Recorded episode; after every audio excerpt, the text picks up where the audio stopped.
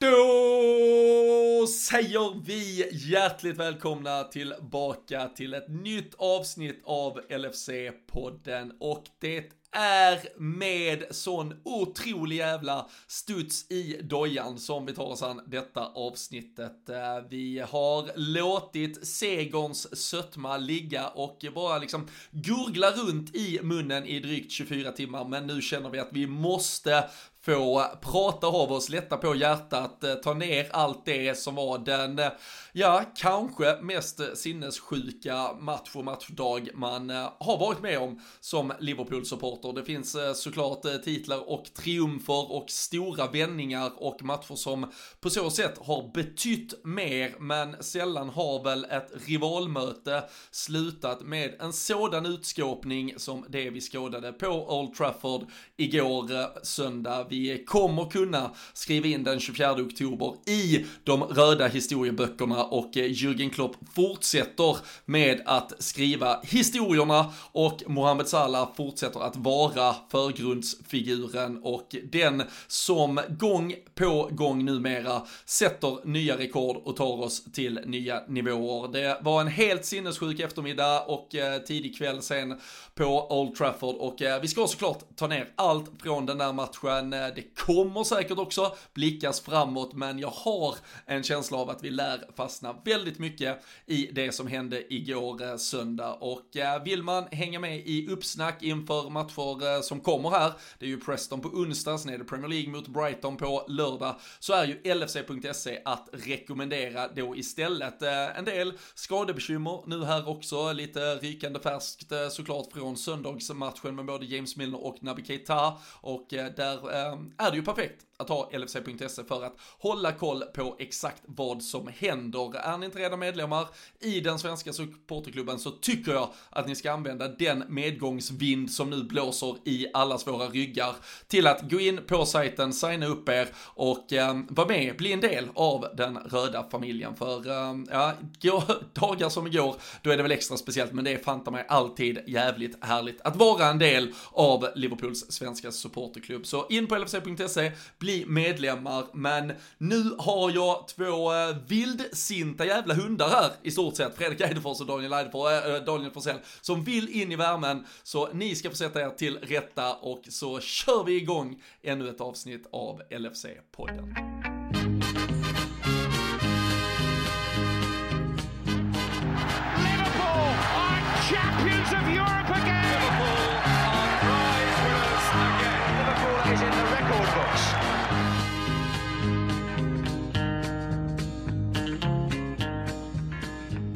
Jajamensan eh, pojkar, vi är samlade hela trojkan och eh, det var ingen som funderade på att eh, lämna återbud på grund av sjukdom denna måndag kväll. Fredrik, hur har, hur har de senaste 24 timmarna varit efter det som skedde igår?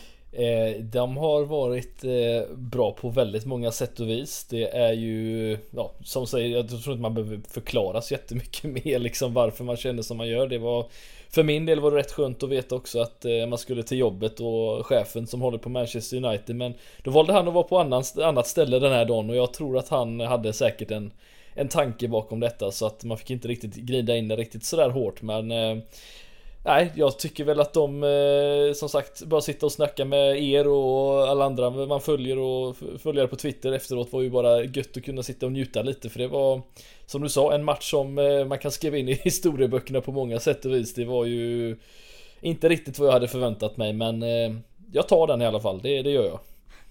Du, du, du kan tänka dig att stå ut med, med att det blev som det blev trots Det blev bara 5 Ja, nej men precis. Eh, Daniel Forsell, jag antar att det har varit eh, lika glatt och eh, härligt hos dig. Men hur, hur är du en sån, en sån kväll, liksom söndag kväll, när, ja, klockan var väl halv åtta tiden, när det liksom var, var slut och färdigt. Hur, hur spenderar du dina, hur ser dina timmar ut efter en sån här fantastisk seger?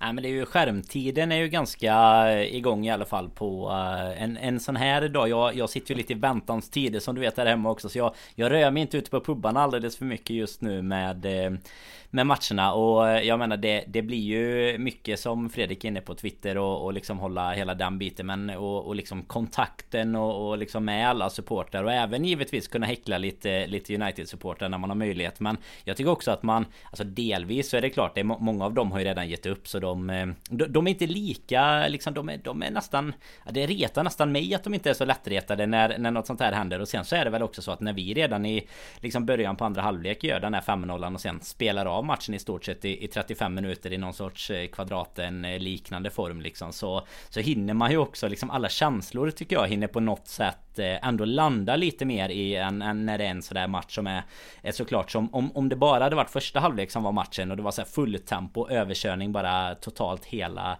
hela matchen då är man ju så jäkla uppe i varv efteråt också. Här hinner man ju liksom verkligen konstigt nog på, på en match på Old Trafford men man hinner ju verkligen sitta och njuta också av att eh, Ja, men av att man bara har krossat dem helt enkelt och, och förnedrat dem på deras egen hemmaplan. Och då, nej men då njuter man Robin i många timmar därefter och, och det har liksom inte lagt sig än. Det är ju en, nej men detta är ju en, det är en modern klassiker denna matchen. Det är ju, vi har ju 09, vi har ju 14 liksom, alltså när vi, när vi vinner de matcherna borta. Men jag menar 1-4, den är ju, har ju smält högst för mig tycker jag i alla år. Men denna, denna tar ju den har tagit eh, guldhatten nu helt enkelt. 5-0 borta på Old Trafford. Det kommer nej, det, det är toppen alltså. Det, ja. det är piken ja, det... för eh, våra Old Trafford-matcher här just nu. Ja. Och det är, det är ju faktiskt inte bara en uh, modern klassiker utan uh, det är ju en historisk klassiker. aldrig tidigare så har ju någon av lagen här i detta Northwest Derbyt eh, vunnit med eh, så här mycket på, på bortaplan. Eh, senast Liverpool vann med 5-0 mot Manchester United var 1925, eh, så, så vi har ju en bit att eh, gå tillbaka till bara för att ens hitta de här siffrorna och då var det på, på hemmaplan. Så, så vi, eh, vi skriver numera eh, inte faktiskt bara modern historia Fredrik med det här Liverpool-laget utan eh, med Jürgen Klopp, med pennan och med Mohamed Salah som den där huvud huvudpersonen så, så skrivs det faktiskt historia som som måste börja eh, talas om i termer eh, som liksom definierade för, för hela klubbens historia och eh, vi, eh, vi är ju absolut inte dåliga på att hylla både Mohamed Salah och detta laget och Jürgen Klopp, men, men tror du att vi eh, har förstått vidden av vad det faktiskt är vi, vi upplever med våra, våra ögon Nej. när man själv är upplevd liksom eller man är själv uppväxt med historierna om 70 och 80-tal och så vidare. Det, det här kommer ju vara historierna också mm. när vi spolar fram i tiden. Ja men det är ju verkligen det och jag, jag tror att man det, det, känns väl extra gött på något sätt också med att kommer ni, när man kommer ihåg man satt förra året och pratade om hur vi slog rekord på andra sätt och vis. Ja, första gången man förlorar hemmaplan eh, så här många matcher i rad sen 1900 bla bla bla vad det nu var. Nu pratar vi ju återigen positiva rekord här och det vill vi fortsätta och, och göra men jag tror som du säger inte riktigt att vi fattar riktigt hur hur stort det här är egentligen och jag tycker bara att vi kollar på den senaste veckan som har varit, alltså de bortamatcherna var en sån grej liksom man Man blir nästan häpnadsväckande, man behöver nästan gå tillbaka och verkligen kolla Hände det här verkligen?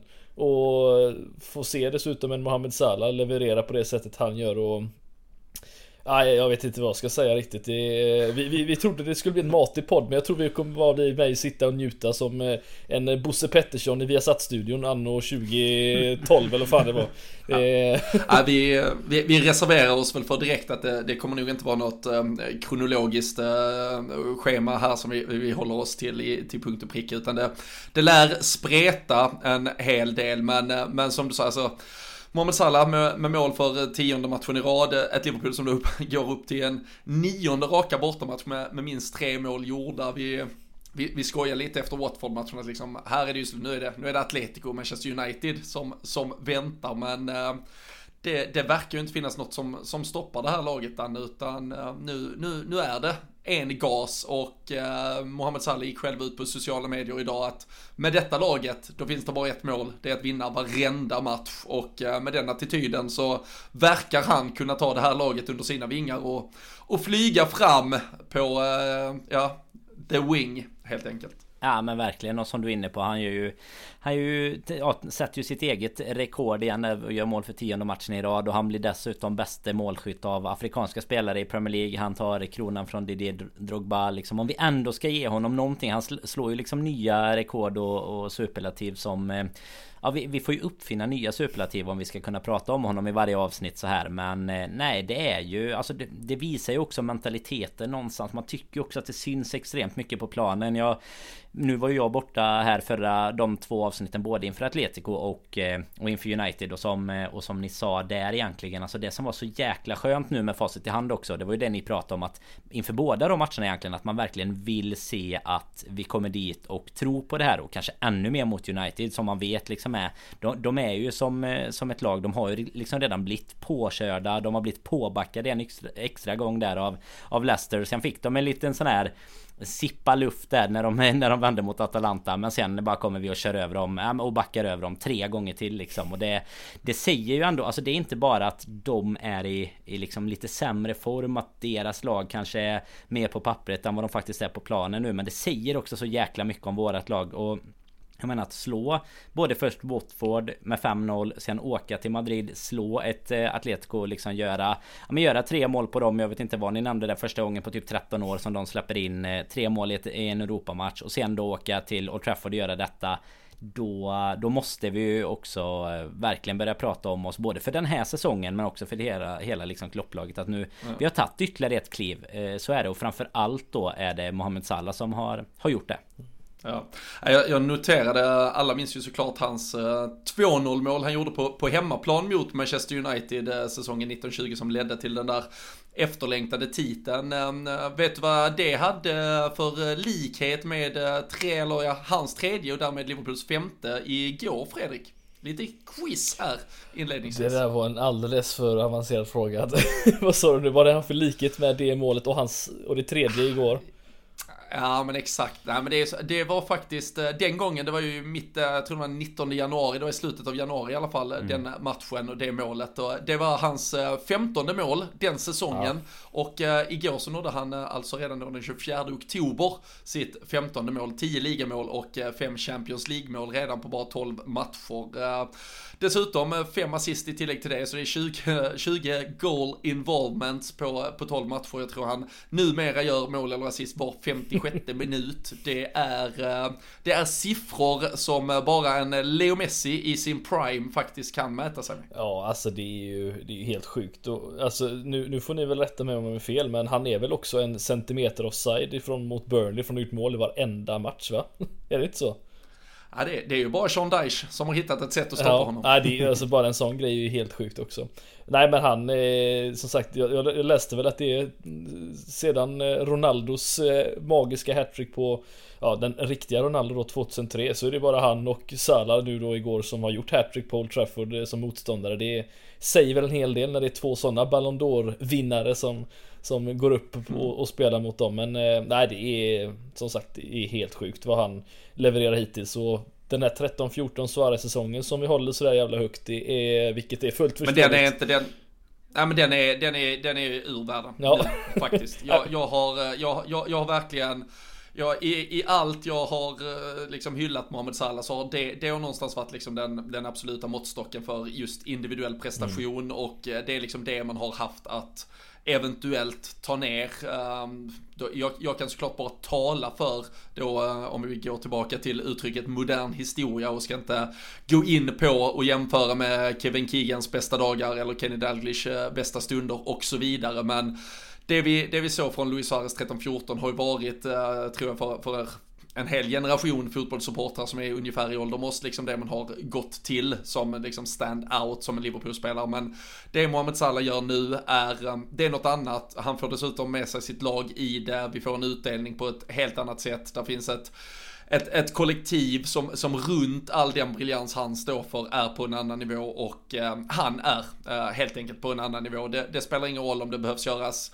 göras lätt eller svårt om det ska eh, spelas fram eller om det ska avslutas på ett eller om du till och med ska få en liten eh, feltouch när du är, du är fri, du hittar ett sätt att avsluta ändå och eh, du, du kan dribbla av ett helt lag om det skulle behövas. Det, det vi ser Mohamed Salah göra just nu, det, det, är det bästa någon någonsin har presterat i en Liverpool-tröja under alla år jag har följt det här laget i alla fall. Och nu, nu sitter jag bara tillbaka lutad och njuter och eh, jag antar att ni gör detsamma. Ja, nej, du är säkert ursäktad av Kenny Dalglish men alltså ganska nöjd ut han också i, igår när de fångade honom strax efter de hade visat eh, Alex Ferguson där i rutan och han var alltså lite, alltså, lite mer ledsen ut. Jag måste bara säga så många gånger, jag vet att det var säkert många som skrev om det men så många gånger man har liksom suttit som Liverpool-supporter och, och, sett Liverpool åka dit. Man har liksom varit livrädd inför matcher liksom att fy fan nu ska det bli en utskåpning. Även när vi liksom är i form så vet man ju vad United står för. Men att se honom sitta där och grubbla över allting, det gav liksom jag, jag nästan såhär nu, det släpptes en ryggsäck från ryggen på något sätt som var verkligen sådär tung så man, nu är det lugnt. Allt det där, det, det, jag, kan, jag kan leva med vad som har hänt tidigare. Det här, är, det, här, det här var lugnt för mig. Nu är det plus minus noll. Nu, nu, nu kan jag verkligen luta mig tillbaka. Det var, det var rätt gött att se faktiskt. Det måste jag ändå säga. Och sen som du sa då, Daglish min på det hela. Det är ju Det var mycket bra, nästan lika bra arbete av eh, TV-producenten som, som på planen. Mm.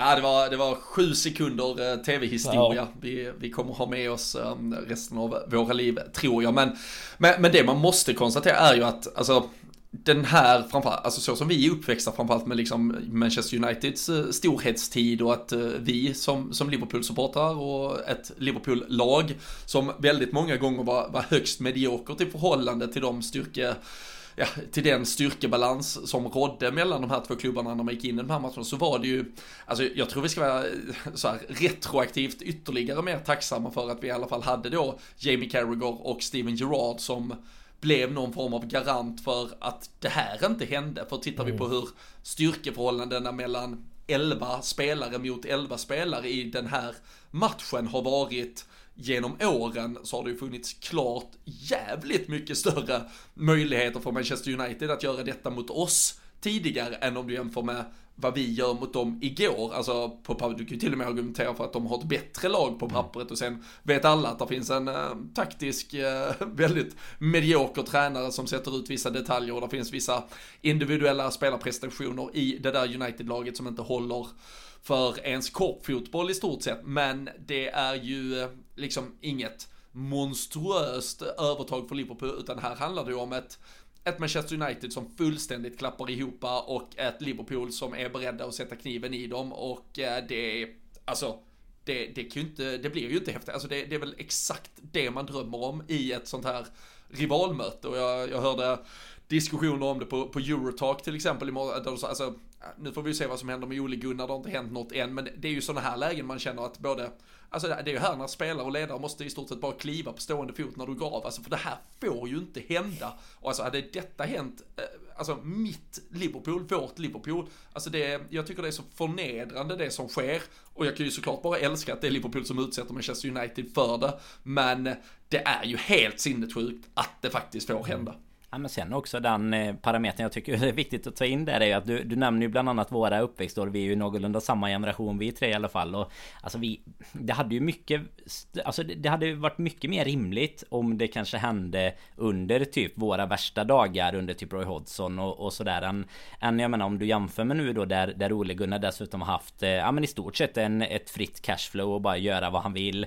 Eh, han har liksom spenderat dubbelt så mycket som Jürgen Klopp har gjort trots att han har tre år färre under eller på posten liksom och jag menar då, då, då är det bara någonstans för oss då såklart ännu skönare med hela den här hypen kring att eh, Ronaldo kommer tillbaka och liksom att nu, nu ska United ta de här sista kliven och, och ha värvat de här sista spelarna och sen går vi ju ändå in alltså för Ja men typ som, som du var inne på Fredrik, kanske en av de första gångerna som jag kommer ihåg eh, Det är ytterligare någon säkert då Men som man verkligen går in och känner sig som storfavorit på Old Trafford mm. Det är mm. inte jätteofta eh, och, Men att man verkligen kommer in med den känslan Och att det liksom fem minuter in i matchen Så, så visar det sig att Ja men Luke Shaw och Harry Maguire kommer vara precis lika dåliga som de brukar Man känner ju alltid sådär att De kommer ju såklart ha sin livsmatch eh, nu i, idag Bara för att ungefär Men nej det hade de inte Salah rullar förbi den runt Shaw där och så är det Keita 1-0 och där tyckte jag, alltså det är klart att man inte känner att eh, Ja, ja, matchen är klar efter fem minuter. Det tog inte jättelång tid såklart ja, innan vi gör nästa mål. Men...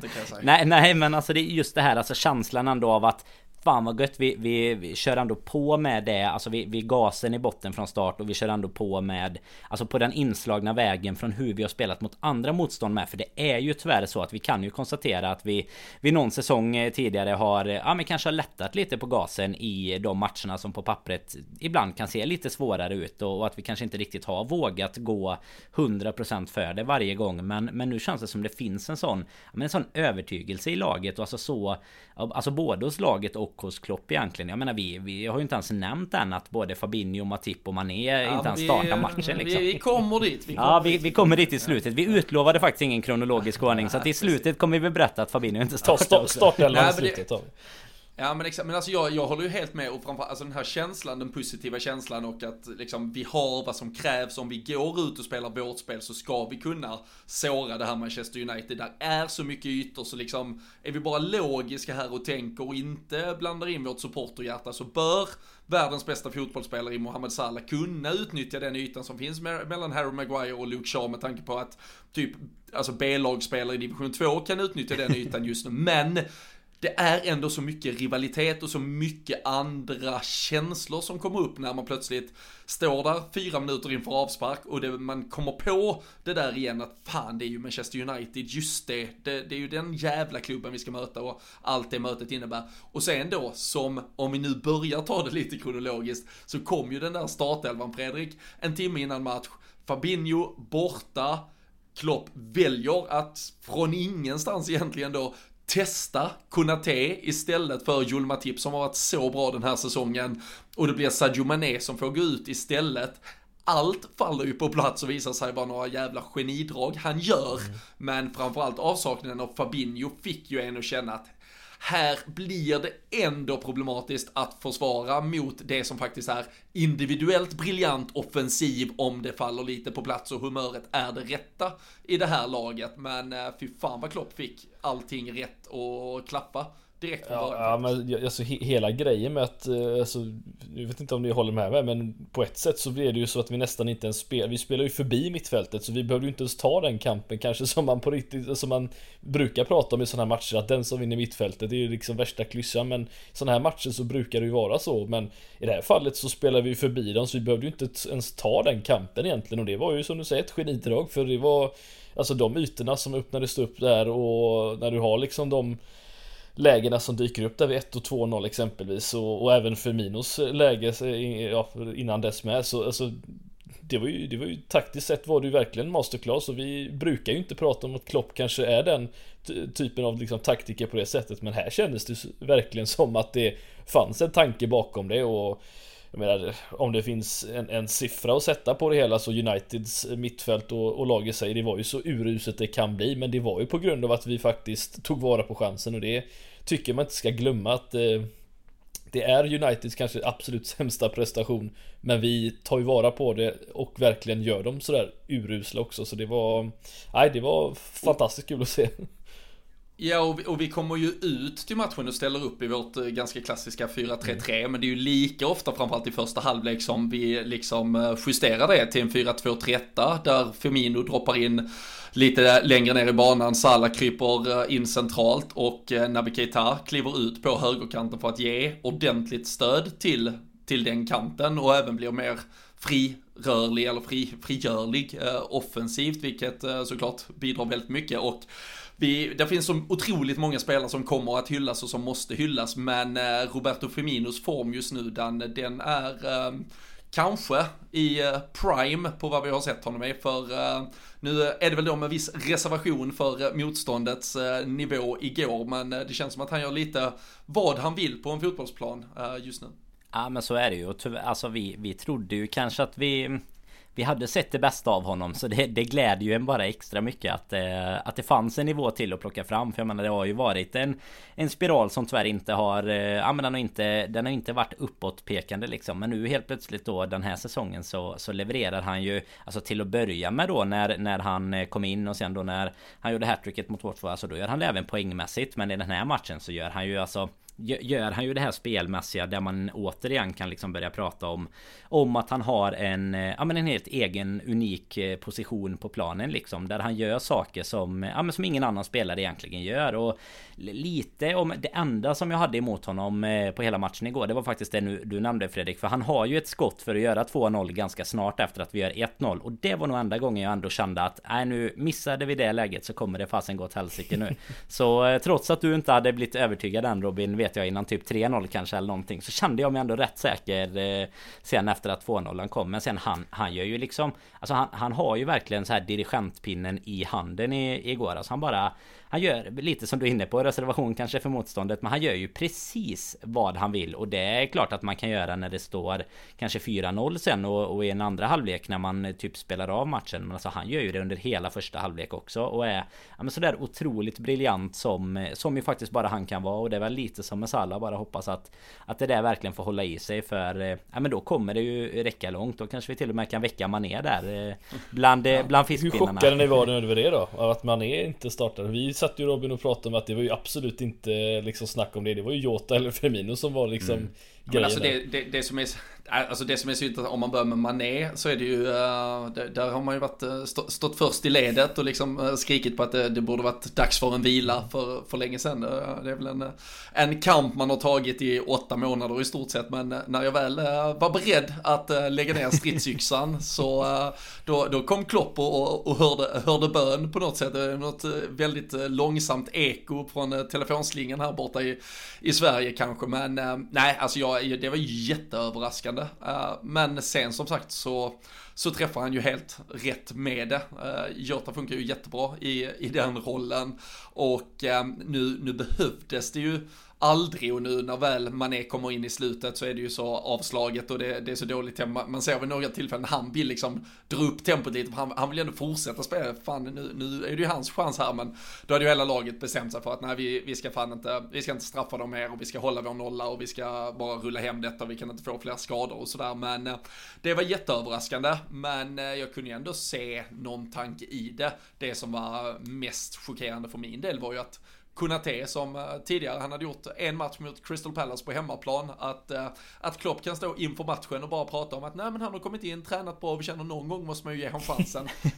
Normalt sett är det inte på Old Trafford i den här matchen och eh, speciellt inte med tanke på Matips form. Nu vet vi ju inte om det är någon liten smäll, det pratar de ju inte om. Han satt ju på bänken, men det kan också vara för syns skull med tanke på att Joe Gomez också finns där före. Jag vet inte, men vad, vad tror du? Tror du det var liksom, eh, det, det föll ju också briljant ut Fredrik, men uh, hur kände du kring eh, det valet som ändå togs att ge kunna jag, jag köper det till 100% och jag vill väl minnas till att Klopp pratade om det efter matchen att han tyckte det här var, att det var, alltså han skulle kunna passa in i detta, i den här matchen med och det Alltså jag tycker väl egentligen baserat på så vi försvarar, alltså med en hög backlinje oavsett liksom motståndare egentligen så besitter ju Konate betydligt mer power och eh, snabbhet än vad Matip egentligen gör. Så på så sätt så köper jag det med. Vi visste ju att United skulle försöka kanske hitta lite sådana bollar bakom vår, vår backlinje. Även om de inte lyckades särskilt bra eh, igår så,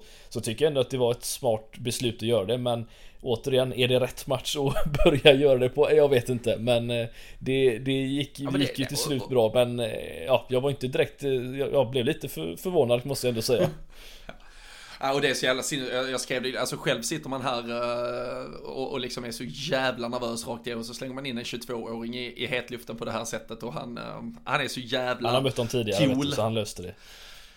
Ja, och det, alltså det enda man vill är kanske att han skulle satt in med lite mer kraft när han skickar Bruno Fernandes där efter Ronaldo-incidenten mot uh, Curtis Jones. Men, uh, men alltså fy fan, när, när van Dijk först bröstar upp sig mot Ronaldo och Kunate sen kommer och skickar Bruno Fernandes, då, uh, där och då kanske livet pikar där, jag vet att de kan må mycket bättre än så. Nej men det är faktiskt sant. Det, det stämmer det du säger. Det, Alltså de, de bilderna som har kommit ut med när han bara står och skrattar åt Fred flera gånger. Har ni sett det? Det finns typ tre situationer. Han hänger på honom. hänger ju på honom lite. Så, vad fan gör du? Alltså Konate har ju en... Eh, alltså det, det, finns en sån här god... Eh, Matip-känsla över att det kommer att bli en... Det kommer ett konto längre fram. Han är lite för ung än liksom för att det ska bli så mycket kult av det. Han är, han är lite för bra liksom. Men det kommer att komma ett sånt här eh, no context eh, konto längre fram. Alltså med, med den. Men alltså det går inte att säga. Nu, nu är det så efteråt så här så är det ju klart lätt att säga att eh, att det blev svinbra och sådär Men det var absolut den som du är inne på där Robin också Som jag kände att man kanske var Alltså försvaret var man mer orolig för än själva Jota Mané situationen För den var ändå så här. Jag vet inte vad ni kände men alltså jag tyckte ändå visst förvånande som fan egentligen Att han väljer Jota just framför Mané och inte en Firmino till exempel Men inte Absolut ingenting som jag någon gång kände att det inte var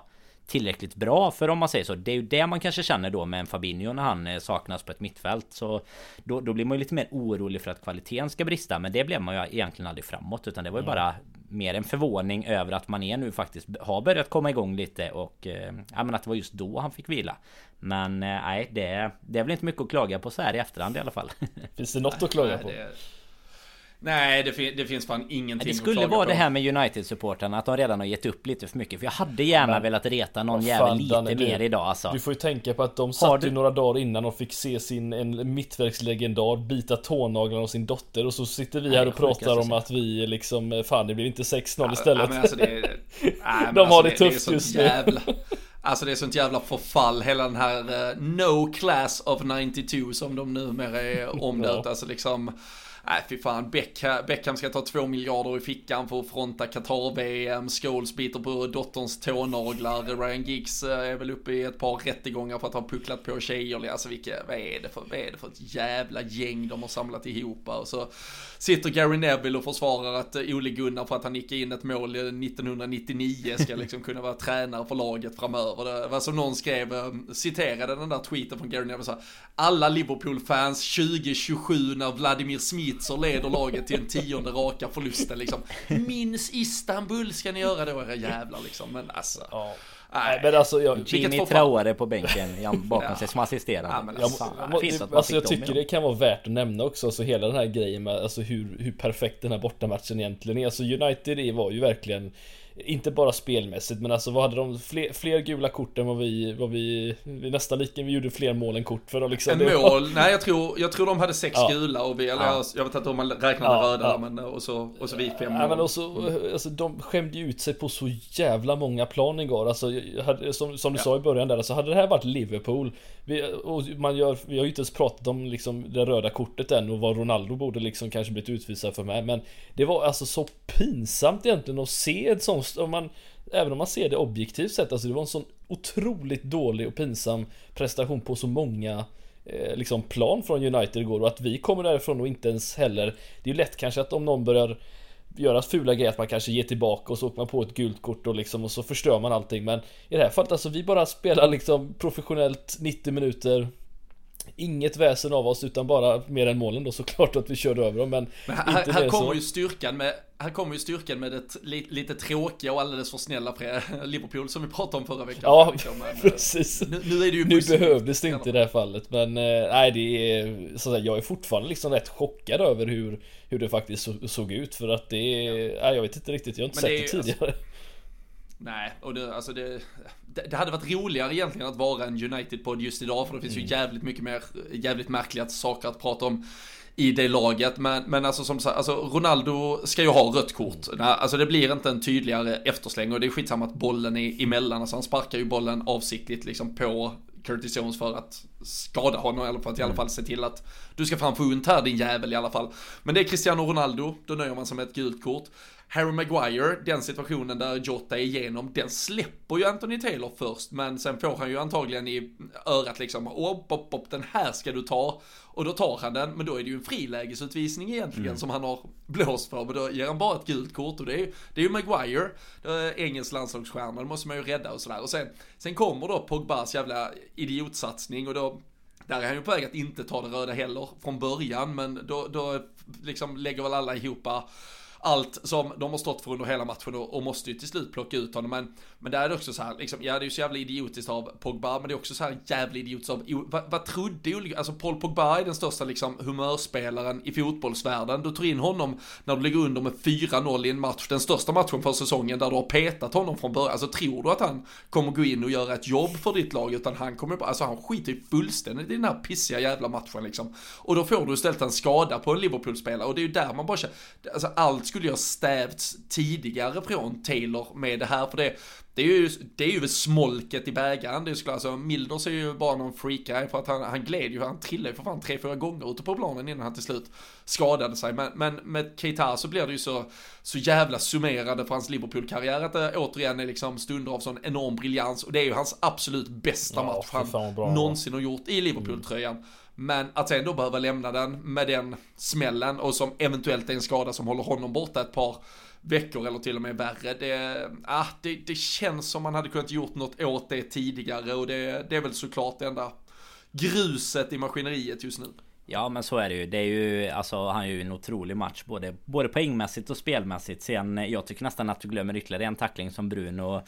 Ja, en, också en Sula som är ganska lik Pogbas tackling Men eh, vi, vi, får väl låta Taylor. Han är också lite en publikfavorit där borta på Old Trafford Så det, det kanske finns någonting i det också. Men Det är ju det, det, är så jäkla synd om vi ska stanna på Keita då. Det, det är ju lite som Alltså det, det, är så jäkla signifikativt för hans Liverpool-karriär. Han kommer igång Det blir en skada så nu får vi bara hoppas att det, att det inte blir något eh, långvarigt och att han Kan komma tillbaka ganska fort Men alltså det, det är så typiskt när han väl börjar och, och gasa igång lite så händer det någonting och jag vet inte det det är väl eh, såklart inte hans fel. Man kan inte ge honom i den situationen. Det är inte mycket han kan göra. Men eh, det, det är så typiskt på något sätt att det är just honom det händer känns det. Har inga mittfältare kvar där nu Nej, det är ju, luktar ju som att det är en trio här. Jag vet du skrev ju Fredrik att eh, om Robin tar eh, sexan så du och jag mellan eh, box to box. Jag vet inte hur många boxar vi orkar springa mellan men upp till en ska man väl klara i alla fall. Jag menar, bo, jag, jag slår ju bollar som Henderson och gör jag, jag slår bolla som Henderson och Gerard i alla fall. Vi får inte glömma Hendersons eh, Gerard yttersida fram till Salah ja, på tredje där. Ja, helt, eh, helt magiskt. Alltså det är så mycket att, eh, att hylla från den här jag, matchen. Jag gav ju Salah eh, verkligen eh, hylla det här målet mot Watford som Mané gjorde. Eh, exempelvis. Mm. Och den här var ju ja, minst lika bra egentligen. Det var Alltså jag, för jag tycker att han slår den, för där finns, nu vet jag inte vilken spelare, men det är ju en spelare som löper till vänster som egentligen känns som den naturliga mm. passningen. Sen, sen är, bör det alltid vara naturligt att passa Mohamed Salah, men det är ju en svårare passning. Och äh, det är ju, fan vad bra de är allihopa. Ja, det, det, det, är lite läskigt faktiskt. Ja, och nu har, ja nej som sagt, nu verkar ju också, även om det inte är det är väl mer assist än mål visserligen men från mittfältshållet så har det ju blivit betydligt mer poäng. Vi har ju, eller vi och vi, jag har väl varit den mest kritiska tror jag om just det här med poäng från mittfältet och nu känns det som inte bara att de där framme är framme i mål utan nu är det poäng från de, från sidledsspelarna också om vi säger så och det är ju ett eh, Nej det är ett bra, bra tecken är med. Det är eh, På något sätt måste man ju väga upp när Chelsea går och slår ett lag med 7-0 får man ju inte göra vara sämre än så. Det är ju Någonting måste man göra. Ja, det, alltså, Ja, och vad har vi nu? Jag tror vi har plus 21 eh, mål mm. eller något sånt. United har plus 1. Mm. Ja, och då, men alltså då, och då har vi spelat tre kryss. Vi har ju bara vunnit sex ligamatcher mm. egentligen. Men har ändå plus 21 i målskillnad. Det, det, har, eh, det har varit en helt otrolig jävla målexplosion framåt. Så här långt den här säsongen. Och äh, det, det är ju som vi säger en, en match som kommer att gå till historieböckerna och eh, det, det, bör, det bör fyllas på där Danne nu med, med sidor som Klopp som sagt med författarpennan, Mohamed Salah och, och många där till med huvudroller som, eh, som spelas. Men, eh, men frågan är ju ändå hur, hur, hur, långt det ska kunna bära till, till slut av det. Vi, vi leder ju faktiskt inte ligan, måste vi ju komma ihåg. Men uh, stunder som dessa så kanske vi bara ska skita i det och hoppas att det här trummar på och betalar av sig i slutändan. Ja men nästan så, det är väl lite som du är inne på. Ska man hitta någonting negativt till allt det som är bra just nu så är det väl just det att, eh, att Chelsea och City också går starkt och jag menar vi Alltså det, det känns så jäkla konstigt att det bara skiljer typ 6-7 poäng ner till United och, och Spurs och sådana ja, lag också. När man liksom vinner med... Vi, Det är ja, nio matcher in på säsongen. Ja men ändå alltså. när, när man liksom gör de här segrarna. Alltså det känns ju som att en 5-0 seger borta mot United ger en typ 9 poäng eller någonting. Alltså det är att, att man bara går ifrån sen. Såklart Chelsea jätteövertygande. Möter ju Norwich såklart som inte har varit jätteimponerande. Men de... De... Eh, jag tycker att de gnider ju till sig segrar på ett annat sätt. Eh, sitter City tycker jag inte ser lika... Alltså de vinner med 4-1 borta mot Brighton såklart eh, bra liksom. Men de, de tar också sina matcher. Men alltså vi ser ju ut att vara ett snäpp bättre. Nu har vi ju redan mött båda de två eh, i och för sig då och inte, inte tagit med oss tre poäng. Men jag tycker just nu, alltså formmässigt just nu så kan det ju leda alltså precis så långt som Mosala vill att det ska leda. Och han säger ju som du, du var inne på här i början att vi Vi spelar med det här laget för att vinna matcher och, och han sa ju även att vi skulle gå för titeln där efter eh, City-matchen. Så nej, det det, det, är väl bara att eh, ha det som enda mål egentligen tycker jag. Alltså jag vet inte vad man ska säga annars efter de resultaten som vi har med oss från Nej. det sista. För det är ju bara Det är bara att, att fortsätta på exakt den inslagna vägen. Man behöver inte ens öka i det här läget faktiskt. Nej, äh, så är det. Och, och det ska ju komma sig ihåg att, äh, som sagt, alltså egentligen äh, Liverpool, jag tittade, vi, vi, är ju sju poäng om man jämför med jämförbara matcher förra säsongen, alltså mot, mot samma motstånd. Det är då, så att man inte bara räknar på nio matcher in, utan mot faktiskt då rätt motstånd beroende på vem man har mött här och så vidare. Så, så är vi sju poäng bättre redan än förra säsongen. Chelsea är fem poäng bättre, City är faktiskt en poäng sämre. Så, så de har ju inte, de har inte växlat upp, utan det är ju ett Liverpool och Chelsea som, som växlar upp här och vill, vill ge är det här en rejäl jävla fight. Och, och det som vi kanske trodde var något topp 4-race eh, tidigare, Fredrik, det, det ser ju ut som att vi har kanske för första gången någonsin kan vi ju faktiskt få en, en utbrytartrio där alla går upp och taktar mot en 90 poäng. För det känns ju som utöver att vi kommer ta poäng mot varandra så, så är det inte många gånger de här lagen kommer åka på i alla fall inga större smällar känns det som just nu med den formen som vi ser från alla tre håll. Nej, alltså jag, det, det, är ju, det kommer ju verkligen bli så att de, det laget som vinner kommer ju ha egentligen jag tror inte det kanske är det laget som har varit eh, bäst eh, rent generellt. Det är det som har, eh, eller som har vunnit flest på det sättet. De kanske har varit de som har minst misstag på vägen på något sätt. Det är eh, som sagt, nu hade vi ju den oturen mot, Brian, eh, mot eh, Brentford exempelvis. Chelsea skulle ju förlorat den matchen med 5-0 egentligen men de åker därifrån med, en, med 3 poäng istället och håller nolla så alltså det, det, det, det är ju sådana matcher som kommer kanske bli avgörande och eh, ja det är ju bara synd att vi inte kunde få med oss. 6 poäng från de här matcherna som vi kanske enligt oss själva borde ha vunnit mot City och, eh, och Chelsea egentligen då på hemmaplan men eh, nej vad fan det, får, det kommer bli tight in det är, Man kan ju inte vinna ligan med 25 poäng varenda gång är, eller 18 poäng var det men eh, Ja, tight kommer det bli i alla fall. Det... Nu, får ni, nu får ni ge oss trion då. Fredrik, du börjar och sen Nej, du Robin. Så ska jag ge min sen. Den trion, sluttrion av det. Vi räknar bort alla andra. Det är Liverpool, Chelsea och City det står mellan. Vilka, hur, hur ser det ut? Nej men jag, då, ja, nej Danne, du minns, vi, vi Vill ni ha facit? Förr, Vill ni ha facit? Ja, men vi, vi, vi satt så här förra säsongen på mell, där mellandagarna inför ett nyårsavsnitt mm. och sen efter det så vann vi inte en match på typ tre du, månader. Men då har ju du druckit eh, julglögg i många dagar. Nu sitter du ändå här relativt nykter och ska, och ska liksom sätta... Ja, allt är fan relativt. Det är så här, det, det är så här, det blir Liverpool, City, Chelsea. Där har ni det. Ja. Kom tillbaka ja. i, i maj och så spela upp där och så eh, ser vi om eh, Om jag står för det då helt enkelt. För Men när vi, firar, när vi firar på Liverpools gator så kommer jag inte höra Så kommer jag inte höra vad, vad ni säger ändå. Nej. Haters gonna say it's fake. Nej, fy fan. Vi, eh, vi, vi är eh, en bit på vägen åtminstone, men eh, vi får väl se vart vi, vart vi landar till slut. Är där annars några, några spelarinsatser eller några insatser i, i övrigt, Fredrik, du vill lyfta från gårdagen? En, en bortaklack som, eh, som hade kul och sjöng om Ole och allt möjligt såklart. Det var fantastiska scener och ett, eh, ett hemmadito som avlägsnade sig med drygt en halvtimme kvar kanske. Men äh, nej, äh, vi, vi kan ju prata lite till såklart om den här fantastiska matchen. Ja, nej men det, det var väl egentligen det som man kanske skulle nämnt just hur, hur stor skillnad det är, som sagt är just på två stycken klubbar just nu som gått liksom, eh, ja inte egentligen gått jämsides med tanke på att vi har ju City vi har stått med mest men just två klubbar som har gått upp och ner hela tiden nu och nu är det ju hoppet mellan oss och United med tanke på hur klubben mår hela den biten. Alltså det är ju man, man slås ju av att vi pratar, man läser mycket om det här med hur folk är missnöjda hur vi drivs och klubb och, och hela den biten men alltså vad glad man är. alltså att det, jag menar, det är ju bara att kolla hur, hur den klubben fungerar United just nu och så ser man hur vi fungerar just nu och hur bra vi mår. Jag tycker det är du sa att vi ska stanna tillbaka, stanna lite och njuta av just Klopp och, och Salah. Jag tycker vi också ska stanna och njuta av hur, hur, hur den här klubben faktiskt mår just nu. Det är, har väl aldrig varit så här bra egentligen och rulla på. Nej, det är, det är bara liksom happy all around. Det är verkligen inget negativt att säga egentligen. Det är det som är... Jag har inte så mycket mer att säga. Jag tror fan inte det.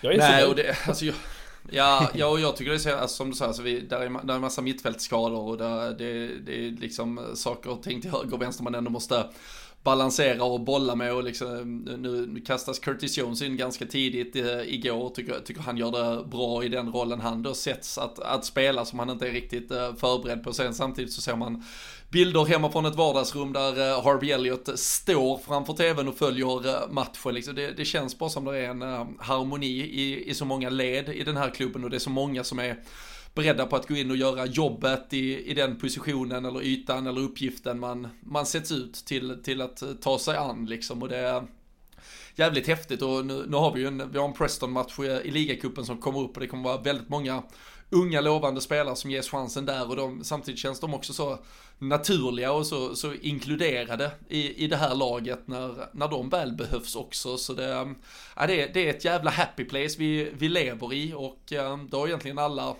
runt Klopp och i hela organisationen med, med Pep Linders och till och med en John Achterberg och allt möjligt runt omkring såklart varit högst bidragande till. Så äh, det är ett, det är ett Liverpool-lag vi, vi lär minnas för evigt, det här som vi upplever just nu.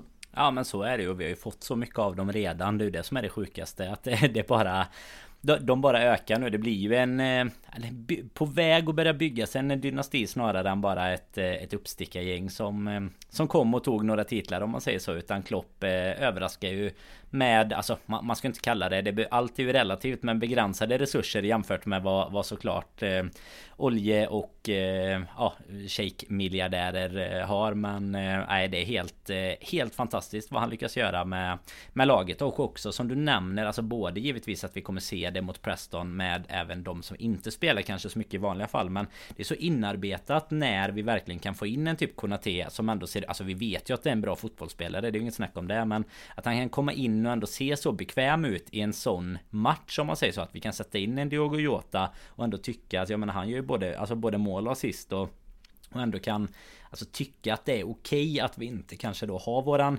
Typ ordinarie fronttrio om man säger så utan att det, det Även om vi inte har riktigt riktigt då samma bredd som, som man kanske hade haft i en eh, värsta drömvärlden så Så har vi tillräckligt mycket kvalitet för att kunna byta ut de här spelarna och eh, ja men även till och med då kunna vila eh, någon lite emellanåt även om man kanske förvånades över hur hur bra mittfältet ändå lyckades utan Fabinho. Det var väl det som man blev eh, mest nöjd med. Och sen får vi väl bara egentligen skicka med ett tips till Ronaldo. Alltså jag menar, ska du ändå göra mål så vad fasen ställ dig onside istället. Jag menar oavsett om, om Glenn Strömberg tyckte att det var onside som, eh, jag vet inte om ni kollar på just den sändningen. Men han var helt övertygad oavsett varlinjer om att det var onside. Men eh, nej, det är väl bättre att ställa sig där. Men det får, får Salla berätta mer om, om de tar någon liten AV ihop grabbarna kanske.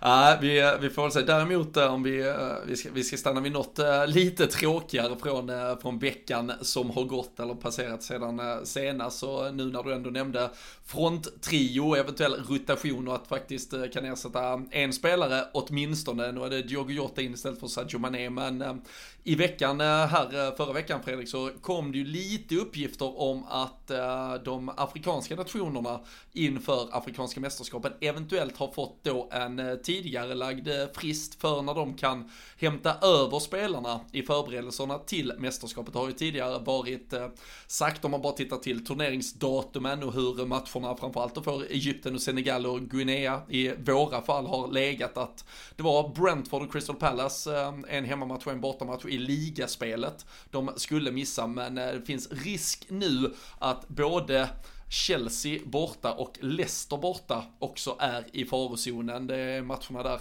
mellan jul och nyår. Eh, Boxing Day kan bli sista matchen eh, som spelarna får vara kvar och spela i England och då plötsligt börjar man ju bli mer nervös för den där topp trio-fördelningen som Danne Forsell satt med för sju minuter sedan. Ja, jag, tyckte, jag tror inte han riktigt tog med det i beräkningen faktiskt. Men, det är redan klart då. ja, det var det ju, var det ju för två år sedan så att det är tre år sedan. Nej, vad var det? Två år sedan.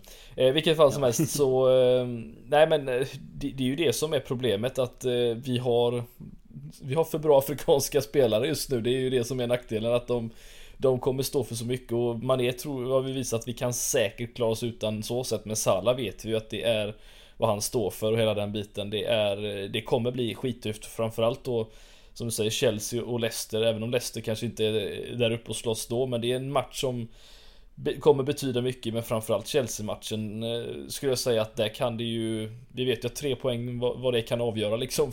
alltså det är svårt att ta ikapp sådana här lag när de är så bra som de faktiskt är och eh, det kommer bli eh, väldigt, väldigt tufft. Jag vet inte, när, när, när får vi det bekräftat? Eh, Tror du när man ser det? Men, men, men de här jävla förbunden kommer ju inte få något Nej. bekräftat någonsin antagligen. Men um, det, det som ska sägas mot just Chelsea så är väl fördelen att då måste de ju skicka Mendy och ha Kepa i mål. Ja. Så det kanske går på, på, på ett ut. Då kan väl vi spela med Origi kanske ändå och um, ha, det, ha det ganska bra förspänt. Men uh, Alltså min känsla är ju, det, är ju fortfarande ändå någon asterix kring att man ska kunna söka någon dispens för att spelarna, det handlar om någon hela veckor som börjar då med en måndag och så en vecka fram och så vidare. Bla bla mm. bla. Lite för invecklat för att det ska vara intressant att ens grotta ner sig i det. Men jag tror att det kommer sluta med att spelarna spelar de här två matcherna ändå. Det är min känsla. Men på längre sikt för att det faktiskt inte ska bli direkt negativt för klubbar att faktiskt värva afrikanska spelare, så måste man ju hitta en lösning här. Alla mm. andra mästerskap som är liksom av de stora nationsförbunden, då är det uppehåll i ligorna. Alla andra ligor har uppehåll de här veckorna där de här turneringarna, där den afrikanska turneringen spelas. Det är bara Premier League-klubbarna som spelar på som vanligt, trots att då väldigt många afrikanska stjärnor lämnar sina klubbar.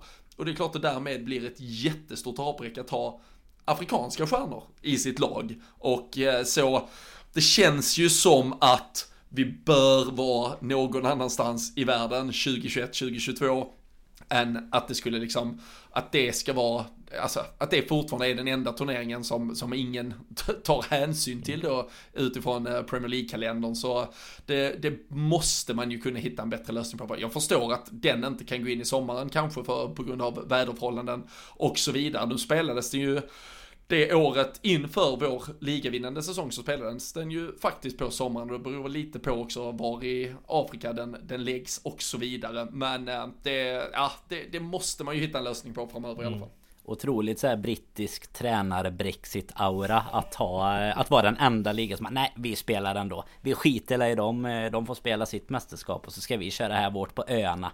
Det är ju helt ja, det, är, det, är så, det är ja. så jäkla Storbritannien Men våran liga är ju bäst så Vi kör på det här. Det är detta alla vill se liksom. Nej det, är ju, ja, det, det, det får alltså, inte vara så alltså. Nej alltså det afrikanska förbundet Är det Consacaf eller vad det, vad det är Concacaf mm. Alltså de De måste ju få datumen av Fifa och då måste ju Fifa blockera det i sin jävla jävla Fifa-kalender som annars är så jävla helig det här med att vi, vi skulle ha fem eh, matchers eller fem dagars eh, avstängning på brassespelarna för att de inte infann sig på, på Fifa-datum och så vidare. Det, alltså det, de måste ju få ordning på de här jävla kalendrarna. För eh, just nu hatar man ju landslagsfotboll mer än vad man någonsin har gjort tidigare och då, som sagt, då vet vi var den mätaren normalt slår i taket bort. Den älskar landslag. Liksom, Ja, ja. Afri under Afrikanska mästerskapen blir det bara att lägga ner Premier League i de fyra matcherna i så fall och så följa, följa Senegals framfart. ja, men om det stämmer i alla fall ja. att det skulle funka då, då, då, då kanske Dannes tipp eh, håller i alla fall en liten, eh, liten stund då. Jag tror, ja, jag tror ju som du säger Robin att det kommer och, Alltså på något sätt känns det så här, det kommer ju Nu har de ändå tid på sig att typ På något sätt hitta en lösning Alltså att klubbar och förbund typ får prata Men sen är ju den stora biten i det hela Känns ju emellanåt som att det är liksom det här Att Fifa typ ska sätta ner foten på något sätt och, och liksom börja Alltså börja gidra med att det ska vara de här, ja, men som du nämnde de här fem dagars avstängning och sådär. Att det typ bara ska av princip då ska spelarna typ infinna sig på en träningsanläggning istället för att kunna representera sina klubblag bara för att Nej, här, alltså... turneringen har startat även om inte laget ska, ska mm. gå in i turneringen om man säger så. Nej, och du kan ju inte, alltså, ska, ska Mohamed Salah liksom träna med Egypten i 12 dagar istället för att missa liksom de två viktigaste matcherna på säsongen kanske för Liverpool? Alltså, nej, det blir så jävla pannkaka av allting så Nej, det får de se till att lösa. Vi lär eh, återkomma i ämnet längre fram. Men eh, att vi lär se en vilad fronttrio imorgon, eh, eller övermorgon är det, eh, förlåt, onsdag mot eh, Preston. Det kan vi nog konstatera åtminstone. Det är ju eh, ligacupspel som väntar.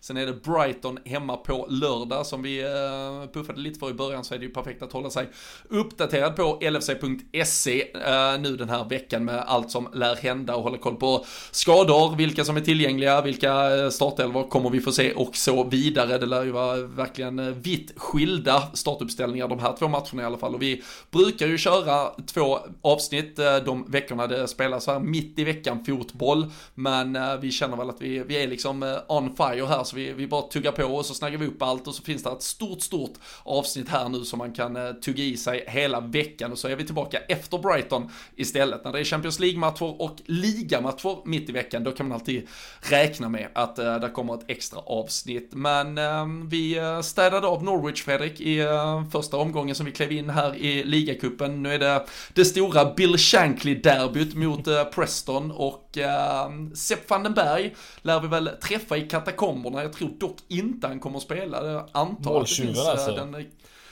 klassiska sådär, eh, ja, klubbbanen, eh, även om jag utgår från att den gäller i ett kuppsammanhang så här också. Men eh, ja, oavsett vilket, eh, ett väldigt roterat Liverpool-lag kan vi väl räkna Ja, absolut. Det kommer vi få göra. Sen är det ju alltid kul och förhoppningsvis se spelare som man saknar lite, typ en Minamino, alltid, tycker jag alltid är lite kul när han får spela. Det var ett tag sedan man fick se honom lira och jag vet att du ser ju fram emot att få se Oxlade Running Riots på mittfältet också för Robin, så att det är ju... Ska vi...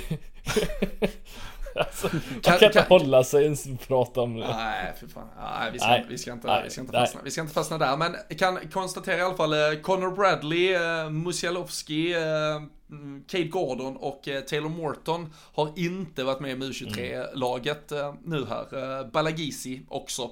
Så där är ju ett par riktiga ungtuppar. Nu såg vi ju många av de här redan i första omgången mot Norwich, men Gordon, Bradley, eh, Taylor Morton som eh, kom in och var eh, sådär otroligt fin Fabinho-ersättare faktiskt den gången. Och med tanke på att Fabinho är out nu så känns det som att det kommer bli en, en start för honom till och med.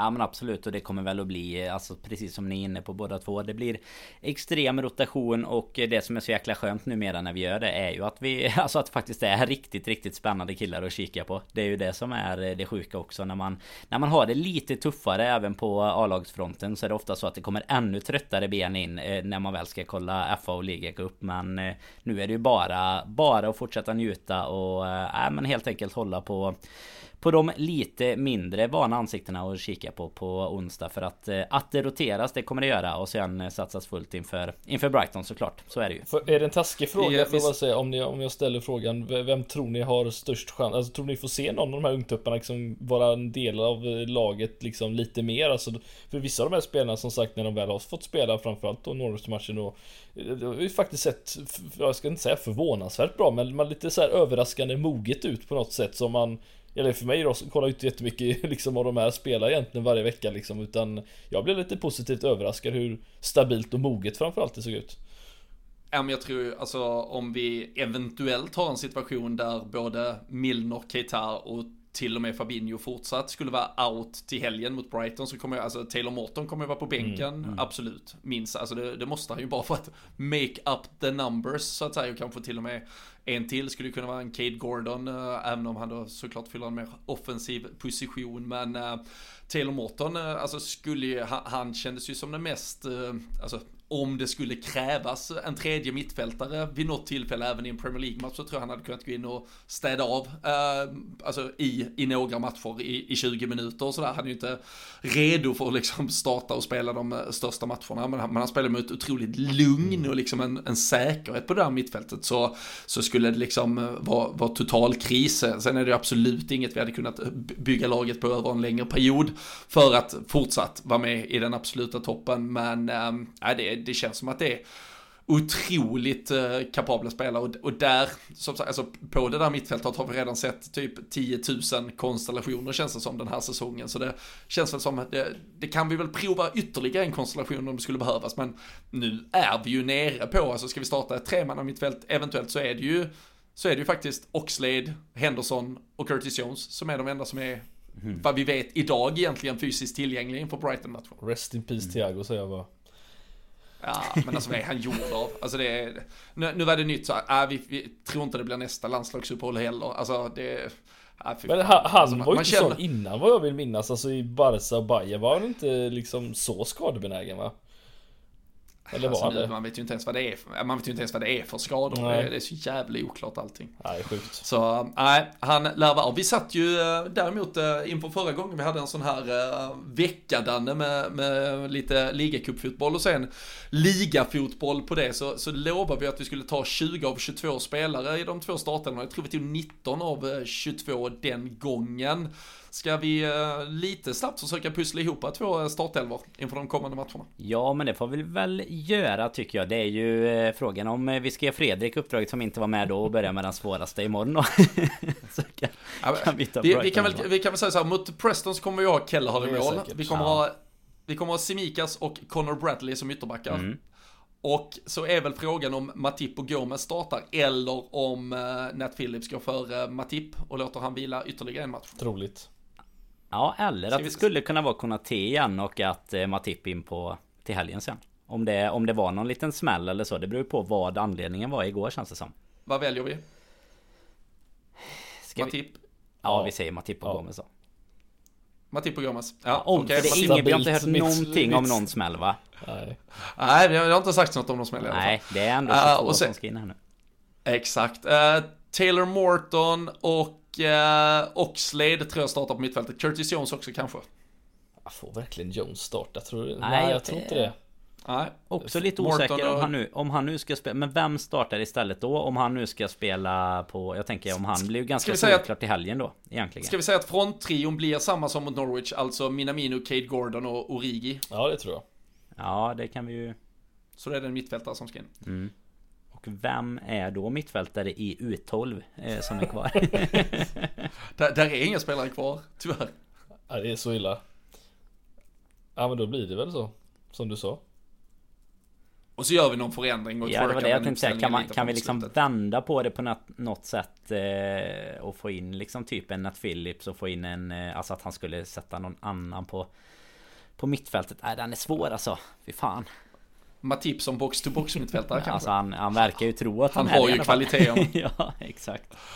Men, ja, men vi, okej, vi, men vi, land... vi säger Jones Vi säger Jones, okej, okay, så vi landar i Kelleher, uh, Simikas, Matip Gomez och uh, Conor Bradley, Taylor Morton, Curtis Jones och Oxlade på mittfältet, Cade Gordon, uh, Minamino och Origi på topp. Mm. Och då, Fredrik, då får du ta ut uh, laget till Brighton-matchen helt på egen Samma backlinje.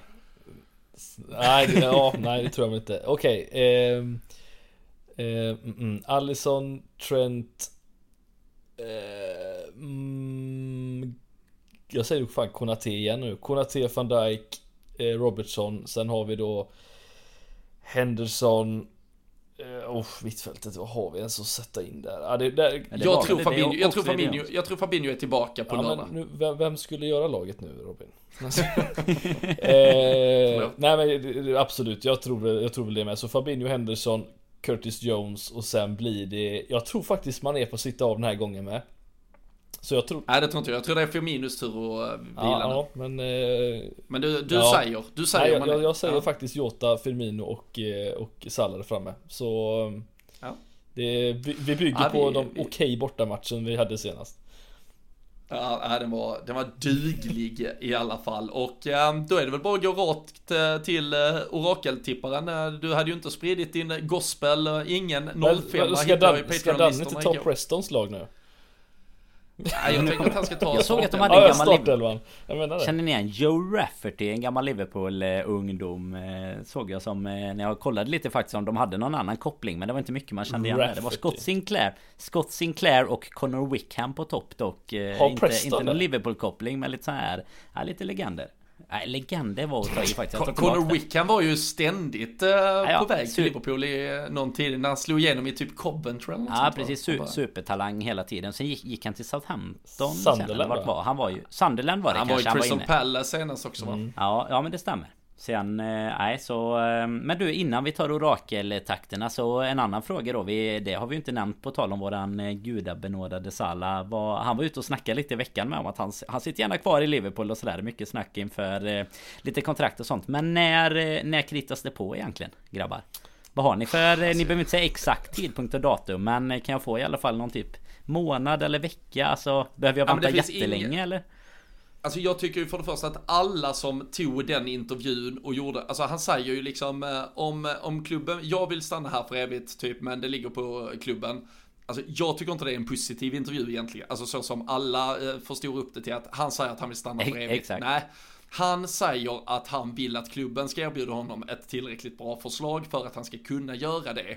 Och om han sticker om två år eller ett år så kommer han kunna hänvisa till att Ja. nej, klubben gav inte mig vad jag ville ha. Så nej, jag, jag gillar egentligen inte sådana intervjuer alls. Folk spred liksom som åh vad underbart att han vill stanna här för evigt. Woho. Nej, det är Men det fick fan, jag tyckte inte jag fick det mycket i mitt Alltså jag tyckte jag såg mycket i flödet om just att det var där nu att han, att han typ är ute och sätter press liksom Det beror, beror kanske på vem, eh, vem Vem man läser men jag kanske läser dig helt enkelt i mitt flöde så det var, det var därför Fel flöde Men, alltså. ja, ja. Det är alltid fel i Nej, flödet. nej men det är väl det, det är väl det man känner Det är väl det man känner att eh, Eller jag tycker i alla fall att det var rätt eh, Inte solklart, alltså det var väl jätteromantiserande Men alltså jag tycker ju att det verkligen är att han går ut och sätter press. Alltså han säger ju exakt som du säger är det ju att om han Om han drar om ett år nu så kan han ju bara säga Ja men kolla jag var till och med ute i intervjuer och sa att jag jättegärna ville stanna Men Det kom ju inget kontrakt liksom så, det, alltså, om, om, om, han har, om han har gett en, om han har lagt fram en summa som är liksom så här, får jag denna summan så skriver jag på för fyra nya år och vi funderar, då är allt och alla som sitter vid det förhandlingsbordet helt jävla dumma i huvudet i alla fall, för det är bara skri, det är bara ge han den summan där står. Det, det ryktas om eh, 400 000 pund i veckan och sådär. Alltså det, han ska ha det. Det är bara att ge han det. Det, det är vår enda chans. Alltså tänk dig om vi skulle gått ut på en transfermarknad och försökt värva världens bästa fotbollsspelare. hur mycket det hade kostat oss och hur minimal chans vi hade haft att lösa den affären. Alltså vi sitter ju, vi har suttit i, vad är det, tre år nu och pratat eh, och skojat om hashtag Mbappé 2020 liksom och, och liksom bara förlängt den hela tiden. Alltså nu har vi Salah 2021, Bättre än vi har Ja men vi har världens bästa fotboll, alltså det, det blir aldrig någonsin billigare att ha världens bästa fotbollsspelare i ditt lag. Så nej, nu, nu är det bara att betala. Väntar de, tror du att de väntar på fönstret bara för att vi ska slippa Mbappé 2021 eller 2022 sen så kommer de bara sitta och vänta på fönstret nu eh, Så att det blir, eh, alltså lite som när Henderson kritar på Eller Att det typ blir så- här deadline day news eh, Fast då är den lite, eller då är den lite typ fetare än innan han fall. sticker, innan han sticker iväg på afrikanska eller något sånt kanske de gör det. Lite Mm. Men alltså, jag, jag är ju rädd att det inte blir av, men om det blir av så tror jag det blir typ i samband med att han ska sticka iväg på afrikanska. Hur rädd är du att det inte blir av om du måste sätta, sätta procent på att det blir av och att det inte blir av här jag, är nu? jag är ju 100% rädd att det inte blir Ja av. men alltså hur, hur eh, Ja, jag, sannolikheten tror, jag, alltså tror att det, det blir... jag tror det är 50-50 Fy just nu. fan, nu blir man ju nervös Nej själv här. fan det trodde inte jag. Det tänkte inte jag. Nej jag säger 80 Vad- 20 vad tänk- Nej jag säger nästan vad känner 90 ni att det- 90 10 att han eh, Att det är han skriver påkritat på? innan, innan januari är slut Men ni är så jävla positiva. Alltså jag önskar jag hade era liv. Det är så jävla enkelt. en United-support just nu. Det är fan sant Ja, nej, däremot så hade jag ju faktiskt uh, hattrick på Salah igår. Så det var enkla Ja, Var pengar. han eh, kapten Ja. i era fantasylag eller? Jajamän Ja, det absolut. absolut. Det kan Det var vi inte Maguire passa på, då? passa på att tipsa Det kan vi passa Ja, på att Jocke, tipsa Jocke om Lundberg. Ja, det ska vi göra, men Jocke Lundberg gick ju på Ronaldo. kapten. Nej fy fan. Det är därför han inte Man är blir inte utvisad i alla fall Fredrik Nej det är sant, han fick bara ett gult. Han sparkade en, en gång för lite. Ja, precis. Men eh, nej, men fantasy, eh, gillar man det så, eh, så släpper vi ju ett par specialavsnitt om fantasy och våra, våra fantasyligor som vi såklart tävlar i här med, med poddens alla härliga följare. De släpper vi på Patreon lite då och då. Ett nytt sånt avsnitt kommer komma ut här tisdag den 26 oktober, så beroende på när ni lyssnar på detta så har ni det avsnittet på gång ut också. Då går man in på patreon.com slash LFC-podden om man vill lyssna och vara med och tävla i våra fantasy-sammanhang också. Men eh, den, som sagt, resultattävlingarna har varit lite svårmanövrerade för eh, våra följare. Har vi märkt. Eh, det har ju varit sjuka resultat så, såklart. Men Preston och sen Brighton, bara skjut ur dig två slutresultat så får vi se om det blir bättre lycka för alla där ute om de tar rygg på dig nu. Ja men det är 2-0 vinner vi mot Preston och 3-0 hemma mot Brighton. Ja men du, du hör du där hemma hur lätt det kan vara ifall man bara lyssnar på oraklet från Borås. 5-0 varje vecka nu framåt. Så vi delar upp okay. det på 2-0. Vi, vi ackumulerar denna veckan. ja, okay. ja, vi vi kan inte ta ut oss för mycket varje, varje gång. Vi får börja lägga ihop lite resultat också. Men eh, det låter väl rimligt. Eh, Preston som sagt, eh, det är ligacupen sänds på Viaplay. Så det är bara att följa med och eh, kolla det där. Och eh, sen då Premier League som är tillbaka till helgen. Ni eh, håller utkik på lfc.se för allt ni behöver.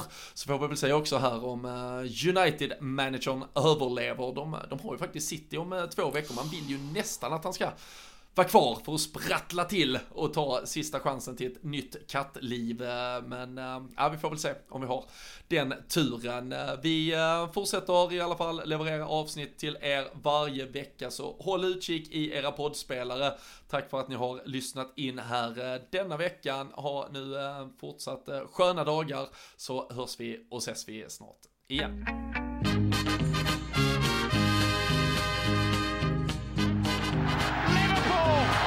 Champions of Europe.